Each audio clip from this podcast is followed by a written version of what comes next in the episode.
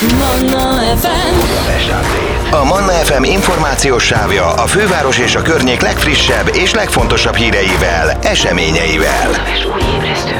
A mikrofonnál István Dániel. Jó reggelt mindenkinek, ez a csütörtök reggeli Budapest Update. Ma január 26-a van, szokás szerint körbenéztem, hogy a régmúltban ki mindenki látott napvilágot, vagy hunyt el ezen a napon. Hát például 116 éve született Seje János, osztrák-magyar származású kanadai belgyógyász, vegyész, stresszkutató, aki a stressz fogalmát meghatározta. Mint a stressz kutatója szerzett át világhírt, 1936-ban jelent meg erről első publikációja a Nature című folyóiratban, az Életünk és a Stressz című könyve pedig 1964-ben jelent meg magyarul, ami azonnal hihetetlenül olvasottá és idézetté vált. Gyakran megfordult hazánkban, előadásokat tartott, interjúkat adott, és gyakran szerepelt különböző televíziós műsorokban is. 115 éve Kronberger Lili műkorcsolyázó nő megszerezte a magyar sporttörténelem első világbajnoki aranyérmét, a Morvaországi Opavában a harmadik női világbajnokságon nyert aranyérmet, megszerezve ezzel a magyar sporttörténet első világbajnoki címét, Kodály ösztönzésére bevezette a gyakorlatok zenére történő bemutatását. Aztán 97 éve született Mensáros László színész, színházi rendező, érdemes és kiváló művész, Kossuth Díjas, Jászai Mari Díjas, Erzsébet Díjas, előadó művészként, színpad és filmszínészként is emlékezetes alakításai voltak. Ismerte filmjei között ott van a Nyára hegyen, a Szevaszvára, vagy egy őrült éjszaka.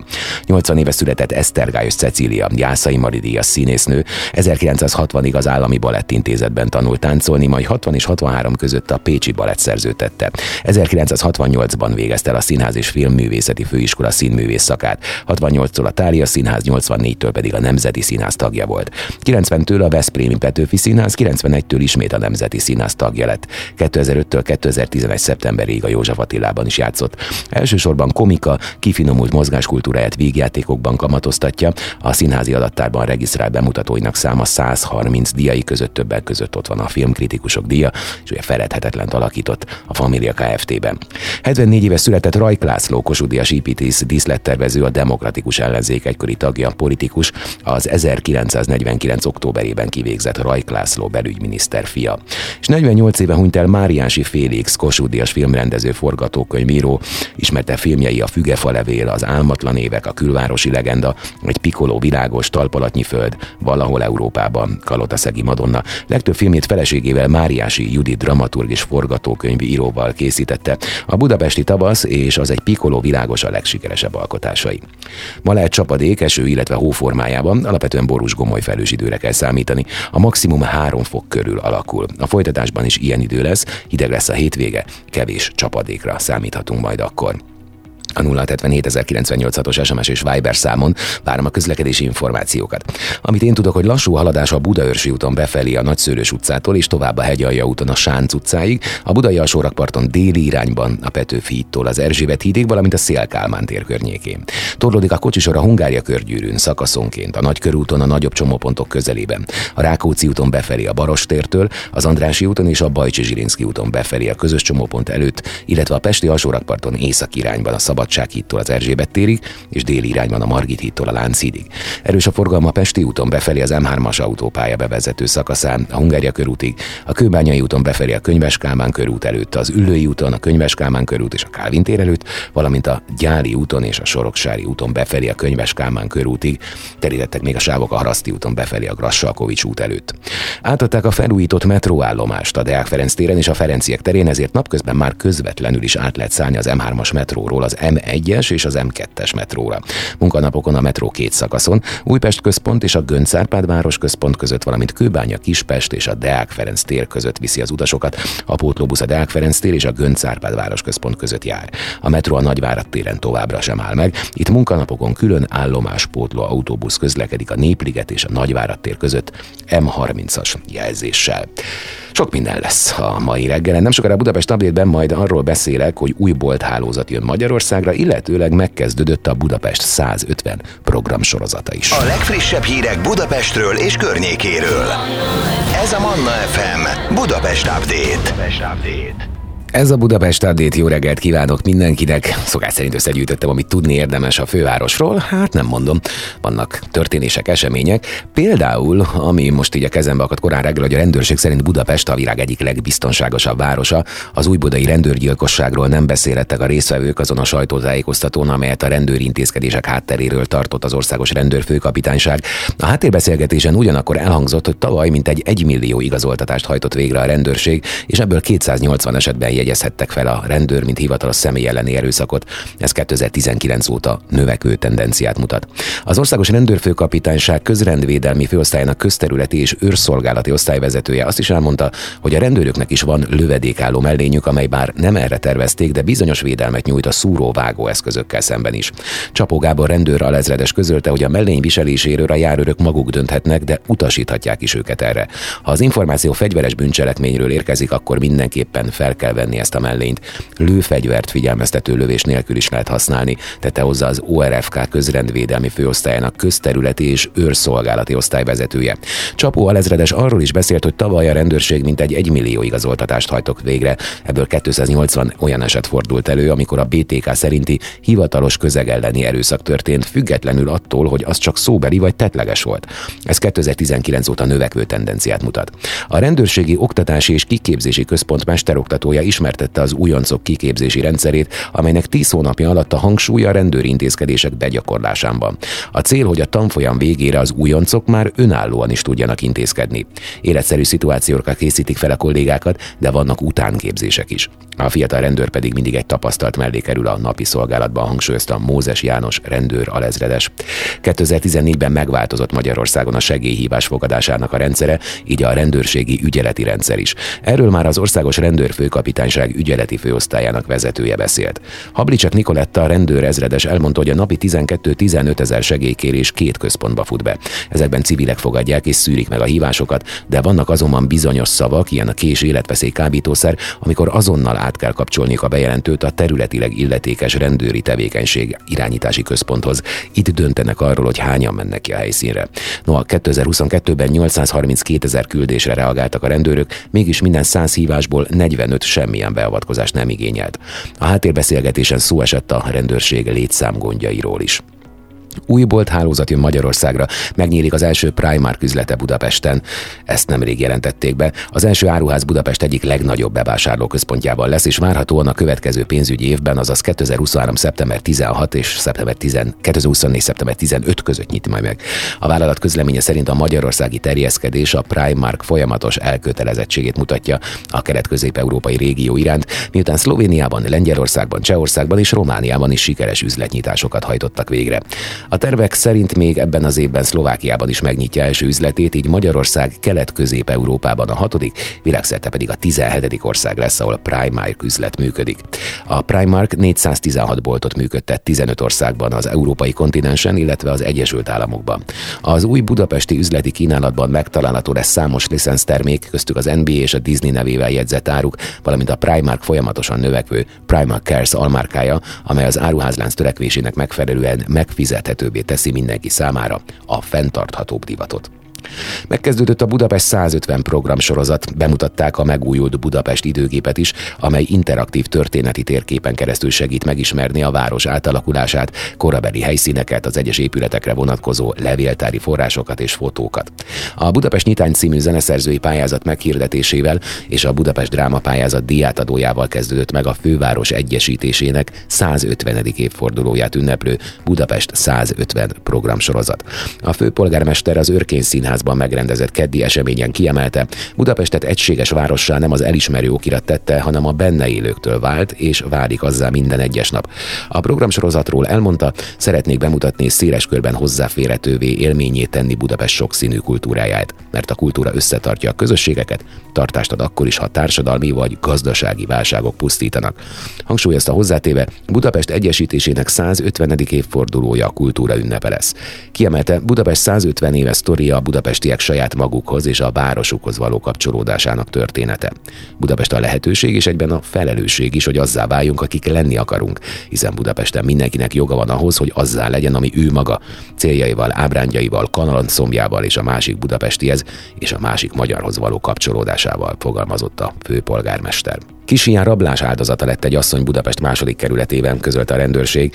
Mint írták, a hölgy 2023. január 20-án péntek délelőtt érkezett haza egy vásárlásból, de nem zárta kulcsra a bejárati ajtót és a kertkaput. Ezt használta ki egy ismeretlen férfi, aki késsel a kezében beatolt a házba és pénzt követelt tőle. Erre a rémült nő közölte, hogy nem tartanak otthon készpénzt. Az asszony ezután hangosan segítséget kért az egyik szomszédtól, mire a férfi elmenekült a helyszínről.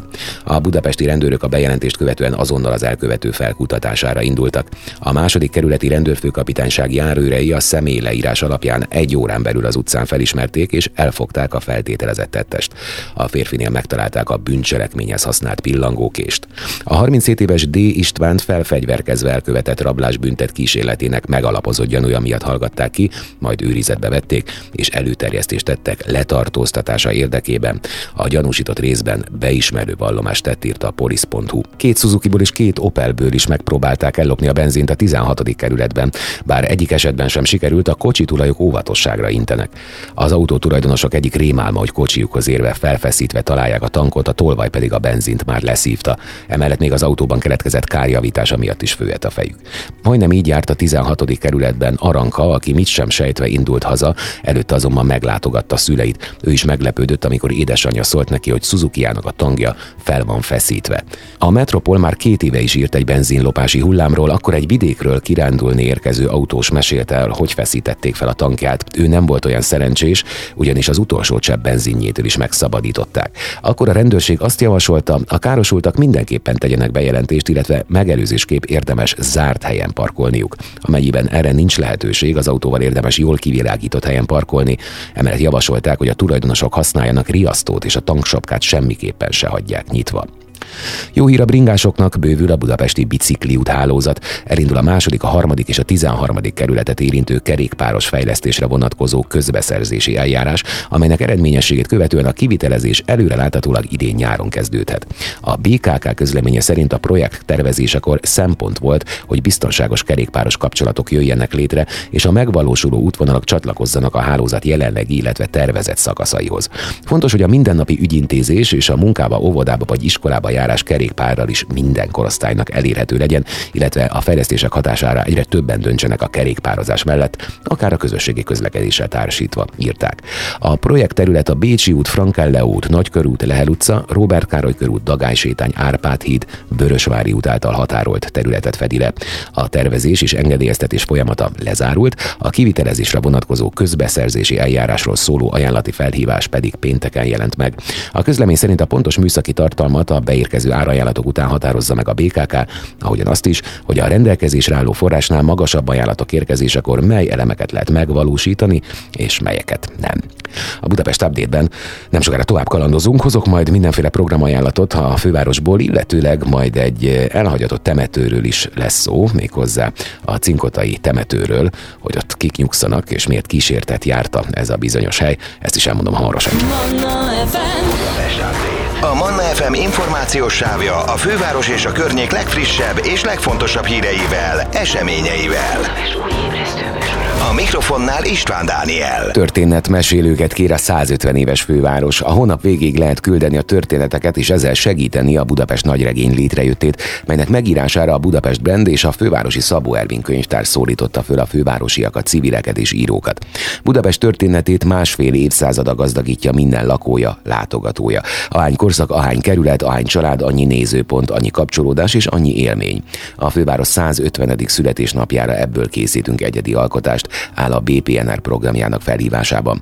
Hónapok óta elérhető az a kis film, melyben neves színművészek népszerűsítik a Budapest nagyregényt, Csákányi Eszter a piacon, Hámori Gabriella a könyvtárban, Scherer Péter pedig a hentes üzletben bukkan föl, és Szacsvai László is megjelenik a film végén. Bárhol élsz a városban, az élményeid egyformán számítanak. Budapest története a te történeted is, hangzik a kezdeményezés mottója. Emellett az idén sokat gyára idézett Eszterházi Péter sorral is él a felhívás. Budapest formáját az adja meg, hogy milyen hangulatban van, aki nézi. Gyere, gyere, bárki is csinálj egy Budapestet. Január 31-ig bárki küldhet olyan személyes családi történetet vagy történeteket, amelyek jól beazonosíthatóan kapcsolódnak egy kerülethez, jelenlegi vagy egykori budapesti lakóhelyhez, a városrész tereihez, épületeihez, személyiségeihez vagy eseményeihez. Fontos kitétel, hogy a személyes történet önmagán túlmutatva egy városrész történetévé is válhasson. Az írásokat a Budapest könyvfőváros honlapján keresztül lehet eljutatni a szervezőköz.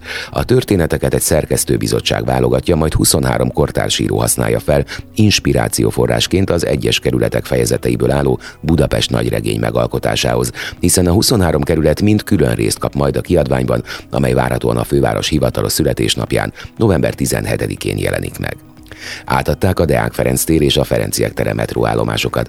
A Deák Ferenc tér kiemelt fontosságú közlekedési csomópont, mivel három metróvonal között biztosít átszállási lehetőséget. Mindkét belvárosi állomás akadálymentesen elérhető, ezzel ismét bővül az egyenlő esélyű elérhetőség a közösségi közlekedésben. Bolla Tibor, a BKV ZRT vezérigazgatója az átadáson kiemelte, hogy az újabb két belvárosi állomással a végfázisában jár az M3-as metró felújítása. Májusban már egy kívülbelül megújult, modernizált, akadályok mentes, biztonságosabb vonalon közlekednek a szerelvények Újpestől egészen Kőbánya Kispestig. Újra muzsikál a Margit szigeti zenélőkút. Több év után ismét hallatjuk a kútnál a századfordulós muzsikát, és az építmény tetején lévő Neptun szobor is újra körbeforog. A Bodor kút néven is ismert építmény nevét építetőjéről Bodor Péter székely ezermestertől kapta. A kút eredetie az 1820-as években Marosvásárhelyen készült, ám ezt később lebontatták, másolatát 1936-ban helyezték el a Margit sziget szigeten. A kútban hangszórókat rejtettek el, amelyekből minden órában a századfordulóra jellemző zene szól, a tetején lévő Neptun szobor pedig forog. A zenélő kút a sziget Árpád híd felüli végén helyezkedik el, éppen az ellenkező oldalon, mint a másik nagy látványosság, a zenélő szökőkút. Télen mindenki szívesebben ücsörög a fűtött lakásban, de az ünnepek környékén jól esik néha kimozdulni a megszokott környezetből és felfedezni a világot. Világon persze most inkább a Budapesthez közeli helyeket értjük, és nem az egzotikus tájakat, de a Google Maps-el persze még oda is eljuthatunk, viszont ha tényleg besokaltunk a felhajtástól és legszívesebben elhagynánk a lakást, akkor érdemes elindulni a természetbe vagy a főváros környéki városokba. Már is öt olyan hely érkezik, ahol télen is jó lenni, nem a megszokott Normafa, Margit sziget, Gellért egy útvonalon található, és még egy napos kirándulás is lehet belőle. Ilyen például a Martonvásári Brunswick kastély. Budapesthez egészen közel, mindössze fél órára, még vonattal is van az ország egyik legszebb kastélya, a gótikus benyomást keltő Hófehér Brunswick kastély, ahová nem csak az épület, de a csodás park miatt is érdemes ellátogatni. A Brunswick család mocsaras és kopár pusztából teremtett paradicsomi angol kertet, a kastélyban pedig a barátjuk Beethoven is többször megfordult. Egyrészt Teréz és Józsefin zongora tanítása miatt, de a Józsefin iránti gyengéd érzelmeit is szívesen mélyítette. A birtok fénykora és az épület bővítése Brunswick Ferenchez kötődik, kezdődik, viszont az angolos neogótikus külsőt a 1870-es években szerezte, amikor Brunswick Gézára szállt az örökség, de a század végére nehéz anyagi helyzetbe került a család, így a négy generációs birtok előbb a Habsburgok, majd Réher Antal tulajdonába került. Bármennyire cidézünk is télen, a csodás angol parkban akkor is tegyünk egy andalgós sétát, mert nem csak fákat, de egy kis patakot, tavat, fahidat és szigetet is találunk itt, amik igazán romantikussá varázsolják a látványt, főleg ha a fák ágait hó és zúz maraborítja. Gödöllőt szinte sose hagyjuk ki a főváros környéki kalandozásainkból, mert nem csak könnyen és gyorsan megközelíthető, de ha már ott vagyunk, akkor elég sok mindent meg is nézhetünk. Itt van az ország egyik legnagyobb barokk kastélya, amit mindenki Sisi otthonaként ismer, és ahol érdemes elidőzni a színes tapétákkal díszített szalonokban, vagy megnézni Ferenc József dolgozó szobáját, ami korhűen van berendezve. Ha szerencsések vagyunk és leesik a hó, akkor varázsatos látványt nyújt a kastélypark, ahogy a közeli botanikai ritkaságokkal teli Erzsébet park is. Azért is jó akár egy egész napot eltölteni Gödöllön, mert a kastélyon túl a valamikori várkapitányi lakot is felkereshetjük, ami az ünnepi időszakban karácsonyházként üzemelt. Meglepően közel van Budapesthez, mégis önérzés a budaörsi kopárok tetején sétálni, mint a valahol a mediterrán világ titkos részein túráznánk. A kopárokat minden évszakban érdemes bebarangolni, bár a meredek szállás egy tartogat némi kihívást, úgyhogy ha lehet hegymászó képességeinkkel inkább száraz és csúszásmentes időben vágjunk fel. Ha sikerül kifognunk egy ködmentes napot, a kopárok hegyeire felkapaszkodva egészen érdekes kilátásban lesz részünk. Egyrészt látni fogjuk az alattunk elterülő várost a logisztikai központokkal, másrészt, ahogy körbefordulunk, úgy tárul fel előttünk előttünk a környező természet és a lankás hegyek képe. Noha nyáron bejártuk már a Vácrátóti botanikus kertet, ez az a hely, ahová minden évszakban érdemes ellátogatni, mert mindig más arcát mutatja. Itt téren is csak ajánlani tudjuk, mert a dérlepte ágak, a befagyott tó és a hóborította dombok mesebelivé teszik a kertet. Annyi látnivaló titkos zugot és kacskaringós ösvényt találunk az arborétumban, hogy talán egy teljes nap is kevés arra, hogy mindent felfedezzünk. Zebegény és Nagymaros is megközelíthető a nyugatiból induló vonatokkal, és nincsenek is olyan messze, úgyhogy jó ötlet lehet egyikből átkirándulni a másikba, ráadásul nem az országúton, hanem csodaszép tájon, a Börzsöny vonulatai. A kék keresztjelzéssel ellátott úton egyszerűen át lehet sétálni egy 8 kilométeres erdei úton, a két végpont a Nagymaros feletti kövesmező kőkeresztje, míg Zebegénynél a Trianon emlékmű. Ez lesz a túra, ami a panoráma szerelmeseinek és a tökéletes instafotót elkészíteni vágyok kedvence lehet, hiszen a Duna és a Visegrádi fellegvár mindenkit levesz a lábáról. Kisvuk is kikerült miniszobor formájában a fővárosba, újabb miniszoborról tett ki képet Facebook oldalára Kolotkó Mihály Gerilla szobrász, alkotása Vukot a mesehős kisrókát ábrázolja, hogy egy sziklafalba fúródott bombáról lóg le. Ez valószínűleg utalás a nemzetközi politikai helyzetre, de sokaknak eszébe jut róla a vadászó sima bőrű és az ártatlan üldözőbe vett állat között feszülő ellentét. A szobor az Erzsébet híd Budai hídfőnél található, közel a hetes busz megállójához. Megjelent a Budapesti Időutazás című könyv. 1963-ban a kor két neves képzőművészek Kas János és Mácsai István összefogott és megrajzolta az akkori Budapest részletgazdag térképét az épületek háromdimenziós illusztrációival. Ez a sok-sok rajz volt a Budapesti Időutazás című könyv sorvezetője, ami nem kisebb kalandra vállalkozik, mint egy városi sétára barangolásra a 60-as, 70-es évek Budapestjén. Közben rengeteg mindent megtudhatunk a főváros múltjáról, elsősorban az épületeiről, továbbá a város részeiről és a lakóiról. Pár pár oldal után olyan érzésünk lesz, hogy a kasmácsai térképek bizony varázserővel bírnak, és tényleg visszarepítenek bennünket a múltba. A lebilincselő kötet írója és szerkesztője Kuti Zoltán, aki valamikor a 70-es évek első felében gyerekként találkozott a két képzőművész, Kas János és Mácsai István rajzaival, rajzolt Budapest térképével. Az akkori jelent részletgazdagon ábrázoló látványos rajzos térkép annyira lenyűgözte a kisfiút, hogy az emléktől később sem szabadult, de annyira nem, hogy a művészek közös Budapest térképének eredeti kiadásait több éves kutatás után sorra megszerezte. Ezek a térképek és rajzok sarkalták aztán arra, hogy megírja és összeállítsa a Budapesti Időutazás című könyvet, benne egy régen volt Budapesttel, az 1960-as és 70-es évek jellemző épületeivel, változásaival, történeteivel, alakjaival és hétköznapjaival. Ráadásképpen pedig a Budapest térkép 1972-es változatát is újra kiadta. Ez és a budapesti időutazás kötet jól kiegészítik egymást. Nagy segítséget nyújtottak a szerző számára a képzőművészek gyermekei, Kas Eszter és Mácsai János, akik egy-egy rövid bevezetőt is írtak a szüleikről és a közös térképrajzolásról. Bár még kisgyerekek voltak a térkép születésekor, néhány emlékük azért van róla. Például az, hogy egy hasonló Párizs ábrázoló térkép volt az ihlető forrás, és hogy a két család sok időt töltött együtt, de nem csak a közös munka miatt. Mácsai János többre emlékezett, arra, hogy a családi Trabanttal járták a várost, hogy az édesapja vázlatokat készítsen a végső térképrajzhoz, vagy hogy mennyi nehézséggel járt kiadót találni, majd folyamatosan egyeztetni velük hónapokon át, mire végre dolgozni kezdhettek. De akkor sem ment minden egyszerűen. A rajzokat például rendszeresen be kellett vinni a Honvédelmi Minisztériumba ellenőrzésre, hogy a katonai szempontból érzékeny területekről, például a pályaudvarokról készült rajzok ne stimmeljenek. Két magyar fürdőnek is helye van Európa legjobb termálfürdői között a Mirror brit napilap szerint. Összeállított egy hetes listát az újság Európa legjobb és legszebb termárfürdőiből, amire mi is felfértünk, ráadásul egyedüli országként két fürdővel is, a Széchenyivel és hévízzel. Az újság nem állította sorrendbe a hét fürdőt, vagyis nincs első, hanem ez a hét a legjobb. Van köztük természetesen angol, svájci, izlandi, francia és görög, meg a két magyar, a Széchenyi fürdő és hévíz. A cikk kiemeli a tavirózsákat és a tó melletti parkot, meg azt is, hogy mi mindenre jó a tóvize. A neobarok Széchenyi fürdő kapcsán pedig azt írják, hogy az Európa legnagyobb és a világ harmadik legnagyobb gyógyfürdője.